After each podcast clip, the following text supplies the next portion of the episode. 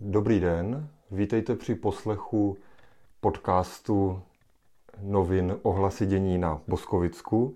Je to takový velmi speciální prázdninový díl, ve kterém budeme mluvit se členem naší redakce Tomášem Znamenáčkem o jeho neobvyklé prázdninové cestě. Já se jmenuji Tomáš Trumpeš a mou podivnou kvalifikací provedení tohoto rozhovoru je to, že jsem na rozdíl od Toma úplný necestovatel, skoro by se řeklo anticestovatel a doufám, že eh, bude platit to pravidlo, že čím hloupější otázka, tím lepší odpověď, kterou se my novináři někdy zaštiťujeme. V tomto případě je to pro mě úplně ideální téma. Eh, Tome, vítej v ohlasech, vítej zpět v ohlasech po tvé cestě. A dovol mi, abych teda hned eh, na začátek ti eh, položil tu otázku nejbanálnější a nejzákladnější a to je to, odkud a kam si vlastně putoval a taky je důležitý říct, jak. Tak já jsem, přešel jsem vlastně Pyreneje, což znamená, když si představíte Evropu, Představíte si ten Pyrenejský poloostrov, na kterém je Španělsko a Portugalsko a nad nima Francie, tak vlastně ta hranice mezi eh, Francií a Španělskem, ta je hornata, tam jsou Pyreneje a ten krček toho, toho Pyrenejského poloostrova, nevím, kolik on může mít vzdušnou čarou, třeba 400 km, řekněme, 500, nevím, tak eh, tam vlastně vede eh, taková horská trasa, asi 800 kilometrová, kterou jsem prošel, a vlastně prošel jsem ji z té západní strany, čili z Irunu eh, až a Atlantiku až na tu východní, eh, na ten východní konec eh, do jednoho tam pobřežního městečka u středozemního moře. Takže jsi šel vlastně od oceánu ke středozemnímu moři. Přesně tak, přesně tak. A ta trasa, tam vedou tři trasy zhruba vedle sebe. Jedna trasa vede po té francouzské straně víc, ta, ta se jmenuje GR10, nebo má označení GR10. E, pak tam vede taková hřebenová trasa, to je taková jako náročnější, ta se jmenuje HRP. A mm, pak po španělské, víc na tu španělskou stranu je, je trasa e, s označením GR11, kterou jsem šel já. Co to vlastně znamená? Mm, že je to trasa, která je nějak už eh, dopředu připravená nebo eh, vyměřená, máš nějaký plán přesný, podle kterého se po ní pohybuješ, máš místa, kde můžeš přespat, eh, nebo jak si to mám představit? Přesně takhle to funguje, že tam, tam nejde o nic, vlastně jediný, nebo prakticky jediný fyzický projev existence té cesty je nějaký stabilnější značení který jako může a nemusí být úplně dobrý, udržovaný a tak, ale plus minus tam je zhruba, že značí tu cestu, což třeba u toho HRP neplatí, tam není ani stabilní značení a je to do jistý míry myšlenkový konstrukt, který se pak promítá nějak do reality. Ale tady je na, té, na té GR11 i to značení a na to je pak navázaný všechno ostatní typu. Existuje, ehm, existuje třeba průvodce, jako kniha, která, která provádí tou trasou, ve které jsou napsané prostě třeba místa, kde se dá dokoupit jídlo, kde se dá přespat a tak. A zároveň tím, že to chodí víc lidí, tak se tam udrží na té trase třeba různé uh, ubytovací kapacity typu nějaký horský chaty nebo nějaký neobsluhovaný útulny a takové věci. Mm-hmm. Ty jsi říkal, že ta trasa má asi 800 kilometrů, kterou jsi šel. Jak dlouho jsi vlastně šel a jaký je teda tvůj denní průměr. Já bych určitě nebyl schopný to tak rychle spočítat, tak budu rád, když ta čísla vysypeš. Já jsem to předpočítal si na trase. Já jsem na trase jsem do nekonečna přepočítával všechno na všechno, jako kolik mi zbývá času, kolik mi zbývá kilometrů, jak rychle jdu, kolik ještě musím ujít ten den, kolik dopoledne, kolik odpoledne. Prostě hrozně mi to fičilo v hlavě ty čísla. E, takže 800 kilometrů zhruba, zhruba něco přes 10% z toho je převýšení, čili, čili ta trasa má, řekněme, něco přes 800 km, zhruba 90 km je převýšení buď nahoru nebo dolů. A denní průměr, já jsem šel 35 dní, e, ta trasa se chodí tak jako od třeba 25, řekněme do 45 dní. E, takže jsi trefil průměr.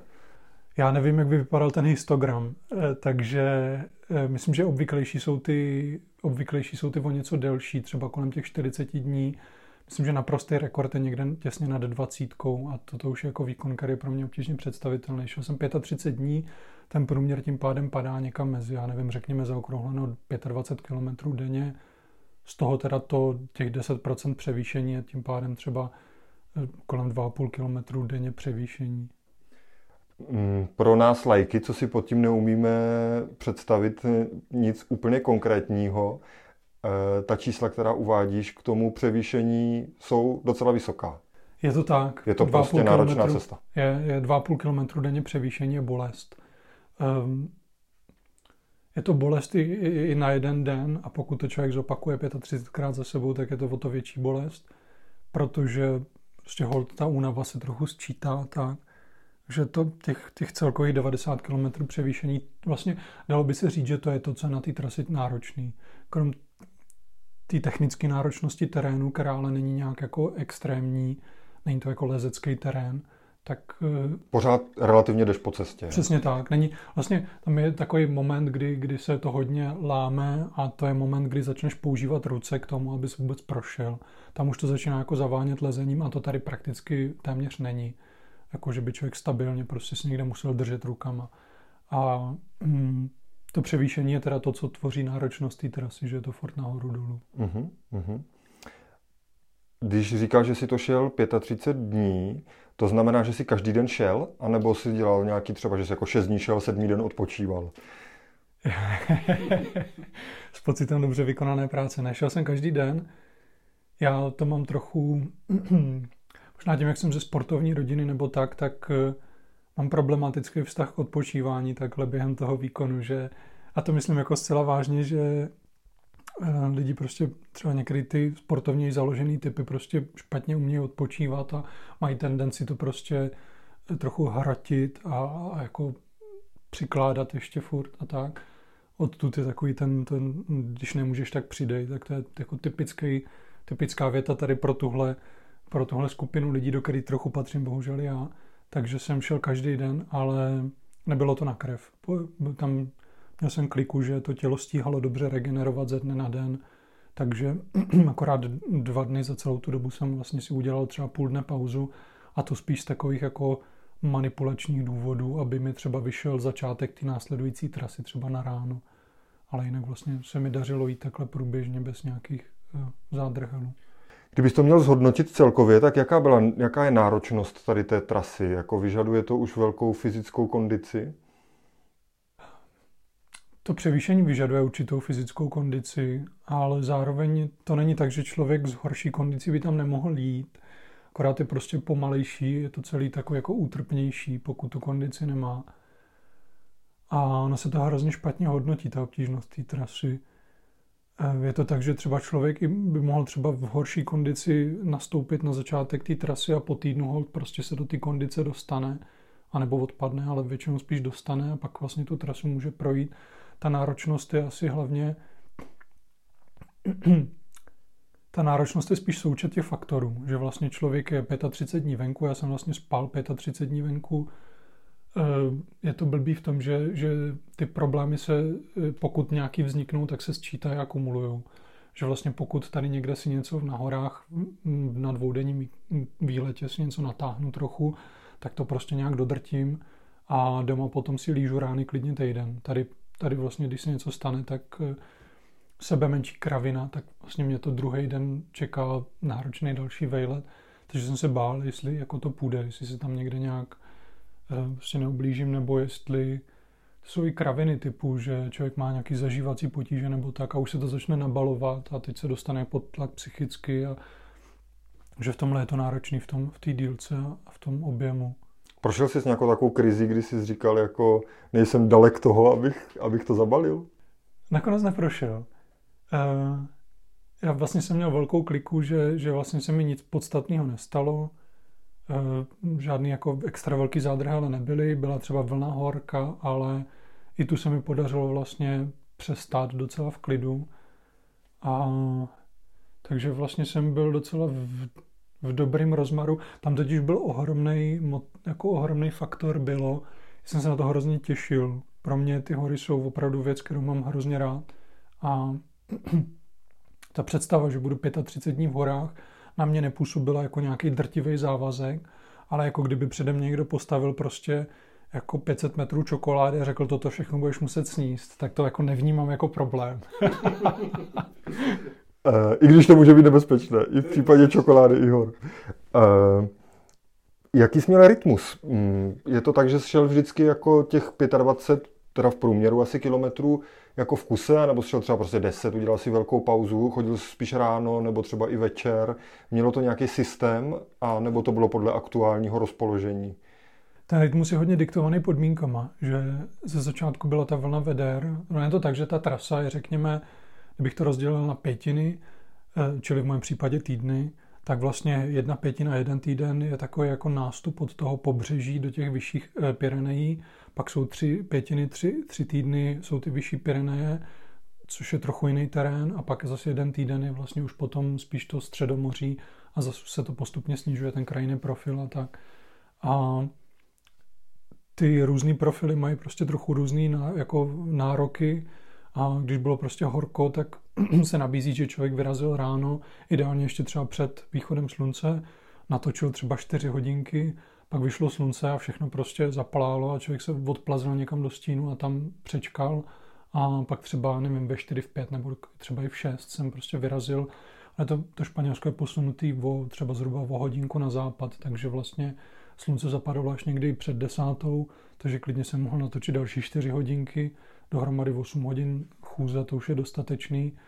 A nebo jsem to, čili tohle je jeden důvod, proč to nějak udělat, třeba toto počasí aktuální.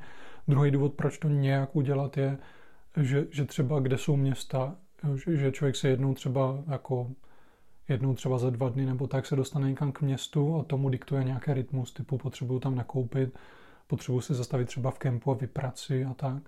A tohle jsou věci, které diktují ten rozvrh toho dne.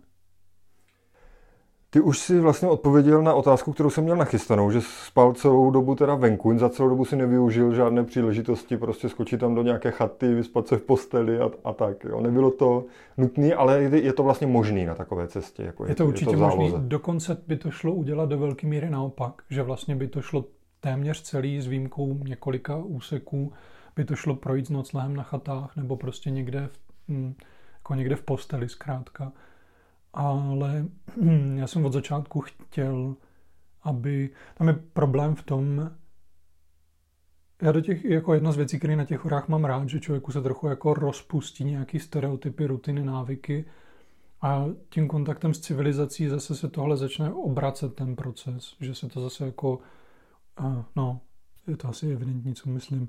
A když člověk spí venku, tak se tomuhle trochu ubrání, že na té chatě nutně s někým musíte mluvit, člověk jako je kolem těch lidí. Je to zkrátka civilizace. Je to civilizace, přesně tak, to je nežádoucí. tak e, jsem chtěl od začátku, pokud to půjde, ne na krev, ale pokud to půjde a nebude potřeba někde udělat nějakou zastávku v depu, tak jsem chtěl zůstat venku.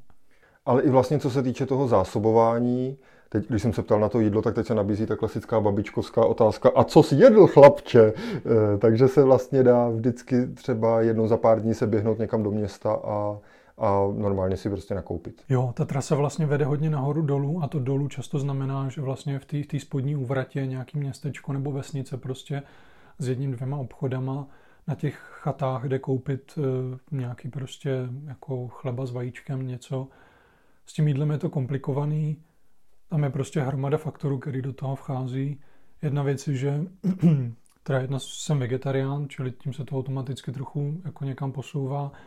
Druhá věc, že ty španělské obchody tady na periferii nejsou úplně staveny na vegetariány, takže vlastně hromadu času jsem jel prostě na, na, na bagetách a síru, což jako na pět týdnů je dlouhý. Hmm. Ale pak taky, co se do toho vkládá, pak je teda ta nabídka na, na chatách, že člověk si tam může dát něco jako nějaký rozumný jídlo, aspoň trochu. A pak se do toho vkládá to, že po těch pár týdnech venku člověk nestíhá úplně dokrýt tu spotřebu takže vlastně to tělo je permanentně trošku hladový a e, pak vlastně e, ve Španělsku už mají na, věč, na hodně těch věcech, e, na hodně artiklech, třeba v sámošce mají takovou tu stupnici, jak moc je něco zdraví od A do F. Normálně člověk vybírá, aby to bylo co nejvíc A, já jsem pak vybíral, aby to bylo co nejvíc F. protože jsou to hodně tučné věci a ten tuk rovná se kilojouli, takže takže pak jsem vlastně naopak už hledal prostě, kde mají arašidový máslo, čokoládu, tučný síry a, z toho a oříšky a tím jsem vlastně vůbec se snažil pokrýt ty, spotřebu těla. No.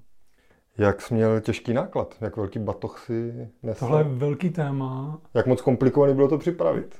Eh, tohle je fáze, která mě hodně baví. Já jsem takový jako systematický typ připravovací, takže jsem si udělal tabulečky a podobně, ale, ale jako mm, i pro ty lidi, kteří tohle třeba neprožívají tak jako já, tak je to důležitý téma kvůli tomu, že ta váha těch věcí do velké míry determinuje, jak moc eh, nebo málo to půjde, ten vejlet, protože člověk eh, toho unese relativně málo. A pokud má člověk třeba 15-kilový batoh, nedej bože 20-kilový, tak vlastně není možný asi točit takovýhle kilometry a takovýhle převýšení, nebo rozhodně ne v mém těle, rozhodně jako pro mě by to nebylo možné. Takže já jsem měl, tam se rozlišuje tak, jako takzvaná základní váha, což znamená batoh s věcma, ale bez těch věcí, které se průběžně mění, čili bez vody, bez jídla, bez plynu. Takže ta základní váha, já jsem cílil někam na 7 kg. Mm, asi jsem měl v reálu 8 kg, dejme tomu. Takže k těm 8 kg základní váhy pak přijde prostě třeba 2 kg ve vodě, kilo v jídle, čtvrt kilo plyn, dejme tomu. A tohle už je, to už je zátěž, za kterou se výrazně líp chodí, než, než takový ten tradiční styl s velkou krosnou, s těžkýma věcma. Tam je fakt velký rozdíl v tom, jak, jak dobře se člověku jde. No. Mhm. V čem jsi vlastně šel? Jaký jsi měl boty? Boty jsou taktéž, taktéž velký téma, vlastně, protože dřív klasicky vlastně hory rovná se kožený pohorky, nověji teda potom kožený pohorky s membránou. To je bezvadná věc, taková jako hodně defenzivní varianta, ale vlastně zas na ty velký kilometry jako pěkný kožený pohorky s membránou je klidně 12 gramů na každý noze. To je strašně moc. A nebo taky 1,5 kg na každý noze. To je fakt strašně moc. Takže já jsem šel v, běžeckých botách určených na běhání po venku. Po 400 kilometrech to běžecké boty úplně nevydržely. Objevil jsem na strašný žralok, já jsem na to naštěstí přišel ráno než jsem vyrazil do terénu, takže se mi podařilo ujít asi kilometr do města, kde z hodou okolností byla asi největší koncentrace outdoorových obchodů v Evropě. Takže byli jsem, připraveni. Byli na mě připraveni, měli tam tři patra věcí, takže jsem si koupil jiný boty, trochu festovnější, ale furt takového teniskového charakteru, aby byly lehký, prodyšný, relativně měkký a v těch jsem pak jako došel úspěšně.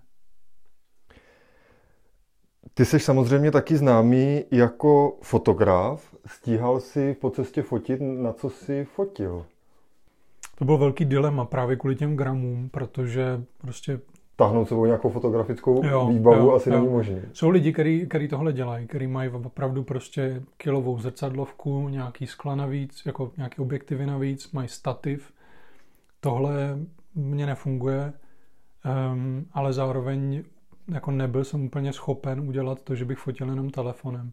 Takže jsem si vzal malou bezrcadlovku, čili takový jako kompaktní aparát, ale, ale s velkým snímačem, s kvalitníma fotografiemi technicky a měl asi půl kila, takže to bylo takový jako malý kvalitní fotoaparát.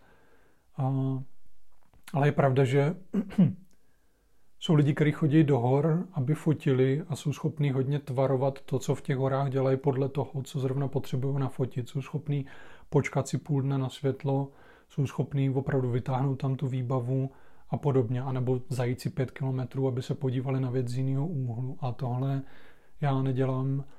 Čili prostě jdeš a když uvidíš dobrý záběr, tak ho cvakne. Přesně tak, ale vlastně pokud by to znamenalo jít jako několik set metrů doleva, když chci jít rovně, tak to velmi zřídka kdy udělám. A zároveň to může znamenat, že někdy prostě během třeba krátké chvíle těch fotek uděláš víc a někdy třeba půl dne neuděláš žádnou. Jo? Přesně tak to je, přesně tak to je, že člověk narazí prostě, i třeba když člověk přijde do ty městečka v Pyrenejích jsou hrozně krásný, jsou to kamenný městečka, všechno tam vyskládaný z kamene, ulice, baráky, všecko a, a v tu chvíli prostě byl jako velký výbuch fotografický a pak eh, prostě třeba půl dne jsem potom stoup, nebo několik hodin jsem stoupal do nějaký zase základní výšky, do těch, do těch hor, nějakým lesem a tam pochopitelně není mnoho co fotit. No. Mm-hmm.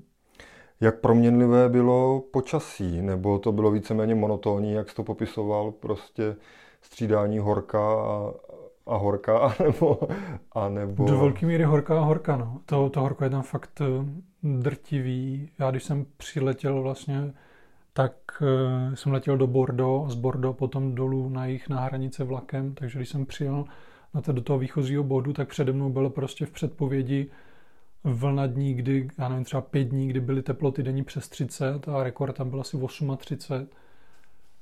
A, a často je to jak přes kopírák ty dny. Prostě e, přes den 35, v noci 22 a takhle několik dní po sobě a pak třeba přijde, přejde fronta několik dní, jako třeba dva dny, prostě tak jako prší a je chladněji, ale ve to počasí bylo takhle jako stabilní a suchý. Samozřejmě s výjimkou klasicky bouřek, protože v těch horách ty bouřky jsou jako e, věc, která rychle přijde, která se e, hodně souvisí s tou vejškou, s tím horkem a s tím, jak funguje to počasí ve vejšce. A ty bouřky tady chodily naštěstí, asi se dá říct, hlavně v noci. Takže to už člověk byl zalezlý ve stanu a nějak, jako pokud neuletěl stan, což ne, naštěstí nestalo, tak e, se to vybouřilo přes noc a ráno bylo zase hezky. Mm, dokážeš nějak popsat, jakou krajinou si vlastně procházel a jaký je tvůj nějaký základní dojem z ní? Tady zase vracíme k tomu, že jsou to tři odlišné typy.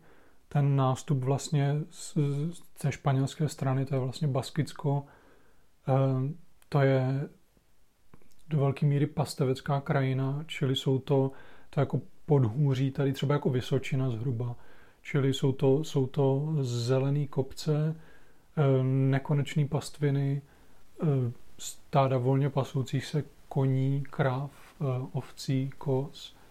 Je to moc hezká zelená krajina, taková plná vody a je tam hromada jedlejch ořechů, ořešáků, které jsou moc krásný a starých dubů a buků, velkých jako tlustých, sukovitých, rozložitých. Je to opravdu krásná krajina, jak třeba z Pána prstenu.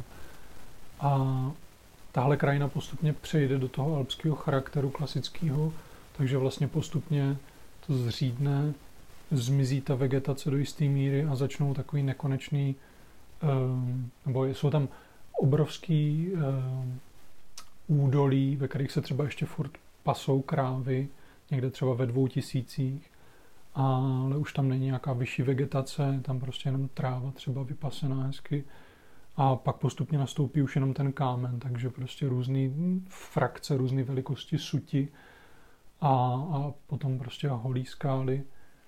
A pak zpětně se to zase jako položí do toho středomoří, kde, kde už není tolik vody vůbec a, a vlastně postupně času ta krajina vyschne a jsou tam jenom vyžhavený, vlastně vypražený eh, jako, jako žluto, žluto světle zelený takový profily a olivovníky a cikády a, a písčitá půda. A teda korkový stromy, to je hrozně zvláštní efekt, já jsem to nikdy neviděl naživo.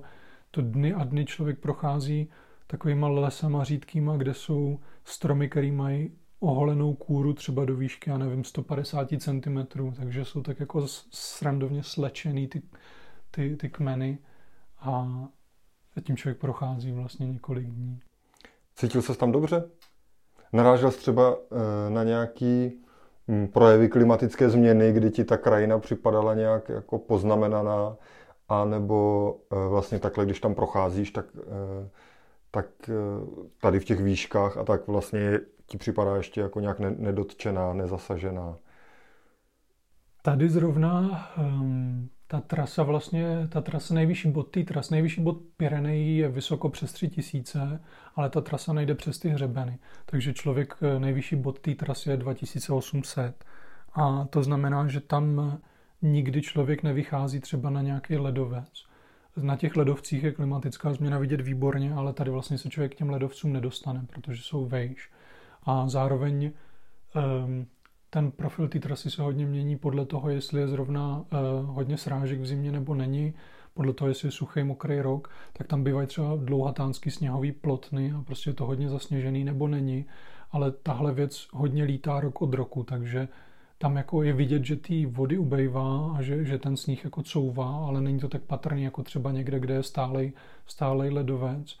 A to, že ty, ta krajina vlastně v tom středomoří je neskutečně vyschlá, ale zároveň tam je to tak trochu jako běžný. Je, je vidět, že ta frekvence těch požárů tam roste a podobně, ale do jisté míry je to krajina, která je na ty požáry stavěná, vys ty korkový stromy, vlastně, který ten korek chrání vlastně před tím, aby, aby zahynuli v tom. A cítil jsem se tam moc dobře, ta krajina je krásná. A, hm, jako i, i to středomoří, i to, ten nástup vlastně na ty baskické straně, i ty, i ty vysoké Alpy jsou nádherný. Mm, už si říkal, že ta trasa je vlastně taková jakoby oficiální, že tam prostě míří víc lidí a tak, kteří tam třeba udrží nějakou infrastrukturu. Co to znamená prakticky, ale pro člověka, který po té trase jde, potkává často nějaký lidi, nebo jsou třeba dny, kdy nepotká nikoho. Eh, jak moc je to, eh, jak moc je to opravdu sociální a jak moc eh, byl vlastně sám? Nepotkat za nějaký den nikoho je vlastně můj takový etalon kvality toho výletu. To, to, to si vždycky dost přeju. Takže tady z 35 dnů je to kolik? tady bohužel většinou je to samozřejmě nula. Tady, tady, tady v těch eh, do jisté míry profláknutých eh, trasách člověk vždycky někoho potká a hodně se to různí, hodně se to různí podle toho, v které části člověk je na tom nástupu v tom prvním týdnu byly dny, kdy jsem třeba za den potkal dva, tři lidi a to už je, jako, to už je mm, pěkná samota, to už člověk nemá dojem, že by se někde jako procházel po Václaváku. A potom v těch centrálních Pyrenejích člověk často prochází třeba nějakým národním parkem, kde nějaká velká atrakce typu nějaký jako slavný údolí hezký a tak. Takže tam jsou potom velký jako přílivy těch jednodenních turistů třeba. Ale celkově můj dojem z té trasy je, že tam jako nebylo nějak narváno. Jsou, jsou trasy, kde, kde jo, typicky u nás vlastně tím, že máme tak málo hor, tak pokud jde člověk do Jeseníku nebo do Krkonoš, tak je to vlastně jako vejlet uprostřed ostatních lidí a tady vlastně mám často intenzivní pocit um, vlastně samoty v té krajině, což je to, co mě baví nejvíc. Důkazem je toho, že když jsem se třeba někde svlíkal do náha, abych se vykoupal někde v tůně nebo ve splavu, tak už jsem vlastně ani nepřemýšlel nad tím, jestli třeba někdo nemůže jít, protože vlastně nešel. Mm-hmm. Uh, ty o tom mluvíš jako velmi pozitivně, ale zároveň 35 dní už je docela dost na to, aby člověk byl sám a, uh, a šel. Mm, nebo si to opravdu prožíval celou dobu jako s klidem a dobře, mění se to třeba nějak jako v průběhu, proměňuje se ta psychika eh, během tady té doby, kterou trávíš osaměle a osamělou chůzí? Tady se nabízí vlastně, že by tam byl nějaký jako velký vnitřní dramatický oblouk, ale vlastně nebyl. Já jsem eh, tím možná tím, že jsem měl potom takový hlad, tak eh, Není to tak, že by se ti po 14 dnech začaly vyjevovat stará traumata a podobně. ne, ne, fakt jsem byl vlastně spokojený. Já jsem vlastně byl úplně nadšený, protože tak u těch dálkových tras je to tak, že člověk si jako neumí představit, co to znamená ujít tisíc kilometrů. To vlastně jako většinou mimo naši běžnou zkušenost a tím pádem, když dojdeš třeba do poloviny, máš nohách 500 kilometrů, tak teď na tebe jako může dopadnout to vědomí, že ještě jednou tohle a už víš, co to je tohle. A vlastně Tohle se mi tady nestalo, naopak po těch třech týdnech jsem byl úplně jako u vytržení z toho, že, že vlastně eh, mám ještě jednou tolik před sebou. To je vlastně v 90. letech v české televizi šly poprvé eh, animované filmy od Volta Disneyho a vždycky dávali dva díly za sebou. A já po zhlídnutí toho prvního dílu jsem byl vždycky strašně nadšený, že jsem teprve v půlce, že ještě bude druhý. To je přesně ten moment v těch horách, že jsem se ušel ty tři týdny a místo, aby mě vlastně nějak stresovalo, že teda ještě jednou tohle, tak vlastně jsem si říkal bezvadný, ještě prostě sebou mám tady jako moře toho času. A samozřejmě, že jsem to jako neprocházel celý v nějakým pozitivním vytržení, občas jsem dost prostě nadával, ale to byla taková ta běžná pěna dní, typu kdy člověk prostě má vyšlapat kilometr nahoru, je to v suti, je to na slunku, je 35 stupňů a to jako jde snášet s úsměvem jenom omezenou dobu, takže to člověk jako eh, nadává fest, ale, ale to je jenom jako to jsou ty drobné vlnky na povrchu, žádná jako velká krize tam nebyla a naopak eh, celou dobu fakt jsem byl v tom hlavním vyznění spokojený úplně. No na co vlastně člověk myslí, když takhle jde první den, pátý den, desátý den, dvacátý den? E, myslí vlastně, je, je soustředěný na tu přítomnost té cesty, anebo prostě jdeš a přemýšlíš si nad úplně různýma věcma svého života. Nebo se to nějak uh, dělí tady tyhle dvě, dva vlivy. Tam u mě jako je tam, hrajou tam velkou roli stereotypy typu občas se stane to, že si člověk odnese v hlavě třeba z nějakého obchodu nebo něco, nějakou písničku, která jako mu lítá hlavou celý den, tím, že člověk jde v té krajině, ta hlava je tak, jak si jako uh, není potřeba tolik, nebo tak, takže se může stát, že tam člověk jako mantru si prostě jede něco, často úplně bizarní věci, takže jsem měl třeba jako den ve znamení nějakého Karla Gota, který mi Nevím, proč jsem si ne... tam vzal. tam zrovna si nebyl se španělského obchodu, ale někde prostě mi tam něco, nebo v den ve znamení Michala Tučného a, a vlastně úplně bizarní věc člověku naskočí a vlastně nezbaví se jí. Ale do jisté míry tam funguje takový, jako pro mě určitě fungoval takový ozdravný efekt, že že vlastně vyplavou na povrch takové věci, které mě třeba zatěžovaly dlouhodobě, nebo témata, které pro mě byly těžké. A, a asi nemá ani smysl se tomu moc bránit. Člověk to prostě člověk má v ruce obrovsky silnou zbraň a to, že prostě může furt jít a může jít týden, může jít měsíc a furt může jít pryč a ta hlava ať si dělá, co chce. A vlastně tím pádem tam proběhl takový, jako, že třeba 14 dní ještě lítali v hlavě nějaké věci jako takového pracovního charakteru nebo jako tady z těch pracovních projektů a nebo se mi o nich zdálo, ale postupem času se to vyběsnilo tady tohle a nastal takový větší klid. A... Čili vlastně zafungovalo to, o čem jsi nám, když nám, když nám sděloval, že eh, chystáš tady tu eh, cestu, tak říkal, že se potřebuješ projít a vyčistit si hlavu, takže tohle vlastně jako takhle zafungovalo. To zafungovalo bezvadně a po třech týdnech už tam zbýval jenom Karel Gott a Michal Tučný. Ale nestresovalo tě. Kdybys to měla ale nějak zhodnotit, co ta cesta pro tebe teda vlastně znamenala? Je to třeba i tak, že jsi některý, eh, že jsi měl tendenci mm, některé věci třeba přehodnotit ve svém životě, zamyslet se nad něma a tak, anebo to primárně opravdu tak, že si, že si vlastně jako, že se spíš vyčistíš a eh, občerstvený přijíždíš zpátky? Je to spíš um je to spíš to vyčištění, ten půst určitý od těch běžných témat, který, který člověku okupují hlavu, třeba i v dobrým. A je, jako, co je určitě dobrý na takové věci je, že když člověk vystoupí z těch stereotypů na takhle dlouhou dobu, tak vlastně pak je schopný se na ty témata, ačkoliv v nich třeba jako nedojde k žádnému převratnému zjištění, tak je schopný se na ty témata konečně podívat malinko z odstupu. A to je vždycky dobrý. A občas je hrozně těžký ten, ten odstup získat. Tohle je bezvadná příležitost. Ale jinak ono je jako těžký přesně pro mě formulovat, eh, co přesně to pro mě znamená. A do jisté míry se tomu aj, jsem si uvědomil, že se tomu aj aktivně bráním to formulovat a popisovat. Že se trochu bojím. To prostě pro mě je to velká kvalita, když něco nejde jednoduše popsat slovama. A vlastně se to i bojím popsat, abych vlastně to pak jako neredukoval, nezjednodušil příliš, když to řeknu, tak to nacpu do nějakých kategorií a to vlastně tomu se trochu bráním.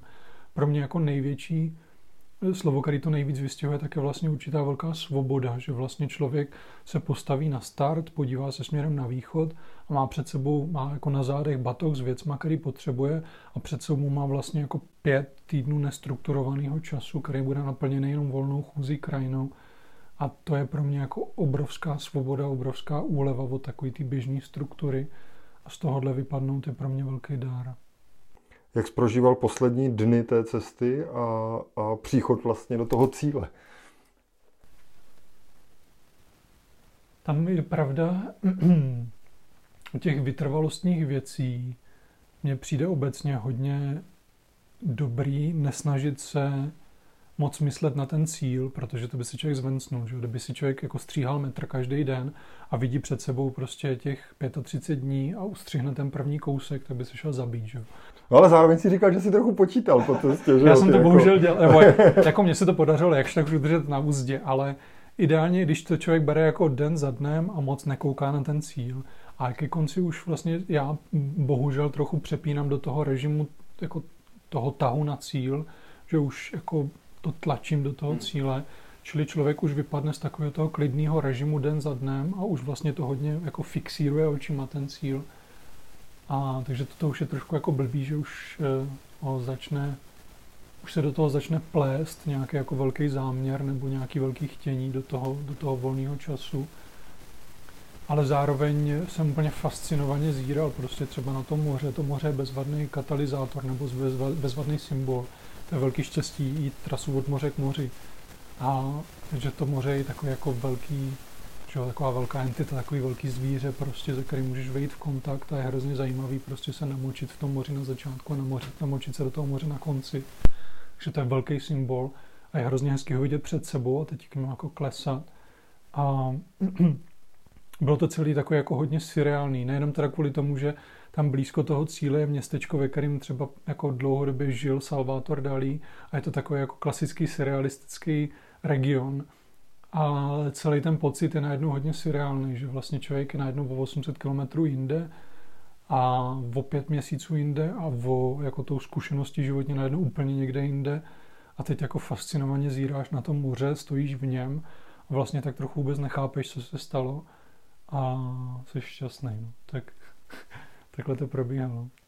No tak já myslím, že to je dobrý závěr našeho podcastu a každopádně dobrý závěr tvého putování, čemu jsme rádi a e, díky teda, že jsi byl ochoten zodpovědět na tyto necestovatelské otázky. A ještě jsme si říkali, že se na závěr zeptám na to, mm, jestli tady není něco důležitého, na co jsem se nezeptal. Jestli e, není nějaký dojem důležitý z té cesty, který bys rád třeba řekl a co tady nezaznělo?